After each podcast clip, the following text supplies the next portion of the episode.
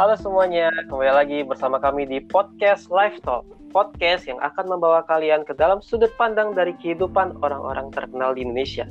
Pada kesempatan kali ini, saya bersama teman saya, Vanessa. Hai guys, jadi di sesi kali ini gue sama teman gue Juan akan membawakan bintang tamu spesial yang gak kalah menarik dari minggu sebelumnya. Bintang tamu spesial kita hari ini berasal dari generasi milenial yang bakal menceritakan kisah hidup perjalanan mereka yang menarik dan tentunya menginspirasi para anak muda saat ini. Dari tiga bintang tamu spesial kita yang hari ini yang hadir, yaitu salah satunya Sinpa, halo. Halo. Dan kemudian ada Rama, halo. Yo. Dan yang terakhir adalah Haikal, halo. Ya, halo. Ya, halo semuanya, makasih ya udah mau datang di podcast kita ini, podcast Live Talk. Halo. Iya. Ya. Terima kasih. Eh, aku mau mulai nanya dari Sinfa dulu nih. Boleh ya Sinfa ya? Mulai dari Iya, kamu. boleh. Eh, soalnya aku eh, ini nih eh, eh, bisa dibilang agak fans sih sama kamu karena eh, kamu itu kan main Mobile Legend ya. Aku juga main tapi aku bingung Oh, iya. kok kamu kalau nggak salah tuh masuk e-sport geek ya tim ladiesnya divisi Mobile Legend bener bukan ya? Iya, betul sekali. Nah aku penasaran eh, kamu kok bisa ya masuk tim e-sport geek itu? Aku aku pengen tahu dah gimana caranya. Ya, jadi pada awalnya tuh eh, aku juga nggak ada pemikiran atau niat bakal masuk e-sport gitu kan. Karena aku tuh ke, kayak hanya sekedar suka main game gitu. Nah, setiap ada game yang lagi banyak dimainin atau yang lagi ngetrend pasti aku mainin. Kayak dulu zamannya Minecraft aku main. Terus eh, Assassin's Creed, terus Dota sama Free Fire aku sempat main juga. Eh, PUBG, Mobile Legend, CUDM aku main. Nah, kebetulan teman pro player aku tuh di divisi Mobile Legend bisa dibilang banyak kan. Mereka ngajuin aku gitu ke manajer e-sport bernama Geek karena e-sport tersebut akan membangun tim ladies gitu. Jadi aku tuh kayak di ini nih Sinva Sinva pro nih eh, user core gitu mid laner katanya gitu kan.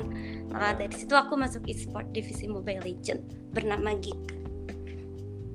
Oh gitu ya, berarti kamu tuh bisa dibilang eh, sebelum main Mobile Legends kamu tuh udah banyak main game-game dulu ya? Karena Wah. iya karena suka aja main game. Wah, eh, tapi kamu suka main game tuh bukan tanpa sebab, sebab ya. Soalnya aku lihat ya di berita katanya tuh tim kamu menang di turnamen Mobile Legends International M1 di Amerika Serikat. Itu kamu Oh, benar iya, benar? alhamdulillah. Iya.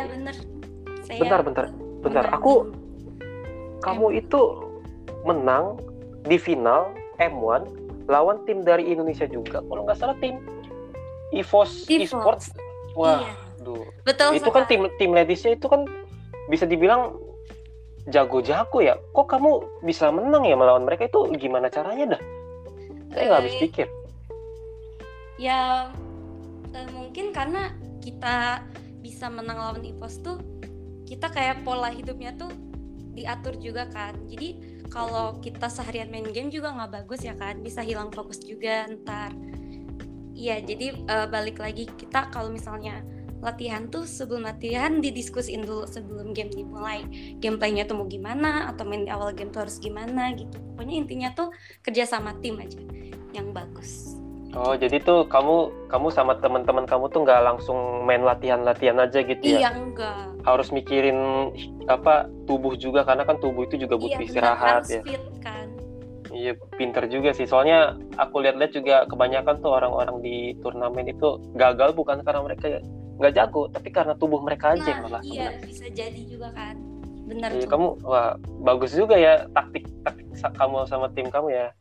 iya Emang kamu kamu kalau main Mobile Legends itu kalau nggak kalau aku boleh tahu itu jadi apa? Jadi tank kah, support atau core? Eh, kalau aku sendiri aku eh, mid laner user core gitu Oh, kamu user mid laner ya. Oh, berarti Iya. kamu itu yang membawa kemenangan tim ya. Jadi kamu tuh yang yang di paling dijagokan lah di tim tersebut ya. Iya sih? Iya sama kerja sama tim juga sih Wah, ya humble juga kamu ya. iya percuma kalau Wah. saya doang yang jago tapi kerja sama tim Waduh, kan sama betul. aja ya Ah iya, betul Nggak- juga nggak kamu. mungkin maksimal menang gitu Tapi uh, btw, kamu tuh sebenarnya tahu nggak sih, kamu tuh tidak hanya membanggakan orang tua kamu aja, kamu tuh membanggakan nama harum Indonesia juga sih. Jadi, oh, ya, buat Siva, tepuk tangan dong kalian. Iya. Tepuk Oh, yeah. tangan buat tim saya juga. Iya, gogik, gogik ya kan. Yeay, gogik. Jadi ya gitu, uh, Sinfa. Uh, saya cukup salut sama kinerja kamu dengan tim kamu jadi ya terima kasih sudah membanggakan tim Indonesia ya Sinfa iya. sabar dulu dong ya, Juan dong kok kamu belum nanya nih gue mau nanya ke Sinfa oh Sinfa mau nanya ya, oke okay. silakan Sinfa. Uh, Sinfa saat ini kan yang kita tahu tuh banyak banget nih orang yang tertarik sama game. Contohnya aku sendiri belakangan itu lagi tertarik sama game namanya PUBG karena itu seru banget kan. Oh iya tuh. Kasih dong tips uh, tips and triknya apa sih biar bisa jago nih kayak kamu masuk tim e-sport? Uh, iya jadi uh, kalau main cuman jago doang sih itu tuh bisa dibilang kayak ya kurang bener lah ya atau gak akan ngejamin menang juga. Jadi tips dari saya itu kerja sama tim itu yang paling penting terus uh, kalau misalnya kadang nih suka ada kan netizen atau publik gitu kadang tuh kayak suka merendahin kita gitu kan. Misalnya kayak iya, iya. kita tuh dibilang feeder lah atau mainnya cupu gitu kan. Nah itu tuh jangan diladenin dan jangan dibawa ke perasaan gitu kan. Wah, iya betul. nah justru kita tuh harus lebih semangat dan tunjukin kalau kita bisa gitu sih itu tips dari saya. Jadi kalau jago doang ya percuma gitu. Wah bagus iya, banget tuh sarannya. Bagus, bagus. iya Oke, jadi wah berarti uh, kamu itu termasuk orang yang humble juga ya Sinfa ya. Oh iya, terima kasih. Ya oke, okay. jadi uh, terima kasih Sinfa udah mau ngasih kita cerita tentang kehidupannya di dunia e-sport ya. Iya. Jadi uh, sekarang kita mau beralih nih ke musisi yang tidak tidak apa ya bisa dibilang tidak jauh tidak tidak jauh beda dengan Sinfa yang bisa dibilang udah cukup terkenal lah, udah cukup terkenal di Indonesia yaitu Ramandika Putra Riyadi. Halo Rama. Yo. Weh Rama, gue denger denger nih, waduh, lu tuh sebagai musisi di Indonesia tuh lu terkenal banget di Tanjung Priuk dah. Wah, itu, gimana? waduh, itu gue bingung. Nah, kadang gue gue pribadi gue tinggal di Tanjung Priuk sih ya, jadi gue denger nama lu tuh, wah, salut sih gue sama lu udah udah bikin Priuk terkenal juga. Gue pengen nanya dong, hmm. uh, itu lu kok bisa ya uh, bisa jadi musisi terkenal gitu padahal kan lu merintis karir tuh kayak dari dari dari periuk gitu kok bisa ya uh, sebenarnya kalau misalnya ngomongin namanya karir ya itu kan udah diatur sama yang di atas ya cuma kalau hmm, hmm, hmm. lu sebagai manusia uh, memperbanyak sabar dan juga usaha gitu intinya lu bakal hasil bakal mendapatkan goals yang baik juga gitu. Jadi wah berarti kalau bisa dibilang tuh lu merintis karir tuh bener-bener dari bawah ya? Wah gila dari bawah cuy. Nah, kalau boleh tahu tuh sebawah apa sih bre? Lu kita tahu kan periuk itu keras. Orang-orang tuh dulu takut ke periuk karena takut kena begal ya kan? Fix, bilang gitu periuk, periuk hmm. tuh keras itu uh, lu tuh awal tuh dari mana? Dari ngamen? Apa gimana bro? Oke jadi tuh dari awalnya gue tuh gue tuh uh, emang seneng banget sama musik gitu kan. Jadi uh-huh. akhirnya gue mencoba untuk uh, bermusik di jalanan. Awal tuh gue berdua sama teman gue dan akhirnya namanya berkembangan dari bis ke bis hingga akhirnya oh, kafe ke kafe akhirnya gue ketemu sama orang-orang yang baru dengan selera musik yang sama dan akhirnya ya kita ngebuat suatu band. Yang akhirnya ya sekarang udah manggung ke mana-mana gitu. Yang awalnya dari bis ke bis sampai sekarang ke mancanegara. Oh gila sih. Jadi bisa dibilang tuh hidup lu tuh dari awal dari awal tuh susah ya. Wah jadi iya. lu udah udah merasakan pahitnya hidup dan manisnya hidup ya. Iya. wah gila sih bre itu mungkin Vanessa mau nanya ke Rama atau gimana? Makasih banget nih pertanyaannya Juan. Kebetulan gue pengen nanya nih sama Rama. Yo. kan uh, dunia luar itu kan cukup keras ya. Tadi yang kayak lu bilang tuh. Pernah nggak lu misalnya melenceng dari kayak jalur sosial gitu mungkin pakai narkoba atau gimana gitu ngelem?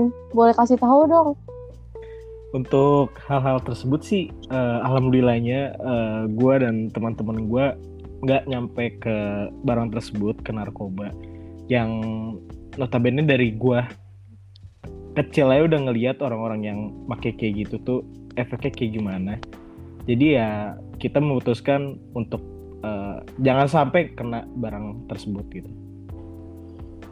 Wah bagus juga ya pendirian lu ya. Gue sih cukup salut ya menurut gue lu keren Iya, abis bro. sih. Hmm. Keren keren bro. Jadi Karena- ya tapi Ya, gimana? ya kalau misalnya menurut gue untuk orang-orang yang masih eh, terjebak di zona tersebut eh, cepet-cepet deh keluar gitu. Karena percaya deh sama gue dunia tuh masih sayang sama lu gitu. Masih banyak kebahagiaan yang bisa lu kulik cuy. Gila cakep banget nih kata-katanya. Hmm. Ya cakep banget kata-kata lu bro. Karena ya gimana ya? Sebenarnya tuh kalau bisa dibilang kan kita bukannya kita nge- ngejelekin mereka ya, karena kan biasanya kan orang-orang yang dari ngamen-ngamen gitu kebanyakan kan mereka mengkonsumsi narkoba ya. Ya kita kan nggak bisa ngeliat eh, ngejudge mereka juga sih ya. Iya Tapi bener juga sih ya eh, kata lu kita tuh memang eh, disayang Tuhan lah istilahnya. Mm-mm. Ibarat kata tubuh kita tuh nggak boleh disia-siain. Iya. Bagus juga ya bro ya. Yoi. Oke deh bro, semangat ya buat eh, lu dan grup band lu.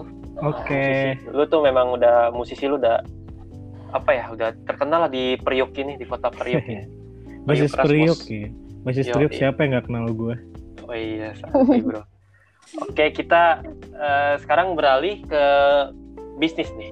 Sa, kita tuh kedatangan bintang tamu yang pembisnis ya bisa dibilang pembisnis eh, mancanegara lah. Dia udah bisnis di Afrika kalau nggak salah. Dia tuh Waduh, bisnis siapa kopi. tuh? Ya Wah, kita kita sambut aja kali ya. Halo Bro Haikal. halo, halo. hai kak. Halo Bro Haikal. Halo Bro Juan. Halo, halo Haikal. Ini dia tuh pembisnis eh, Haikal tuh kalau kalian nggak tahu tuh dia tuh pembisnis yang bisa dibilang udah terkenal lah di mancanegara. Dia udah bi- buka bisnis kopi di Afrika loh. Iya betul. betul.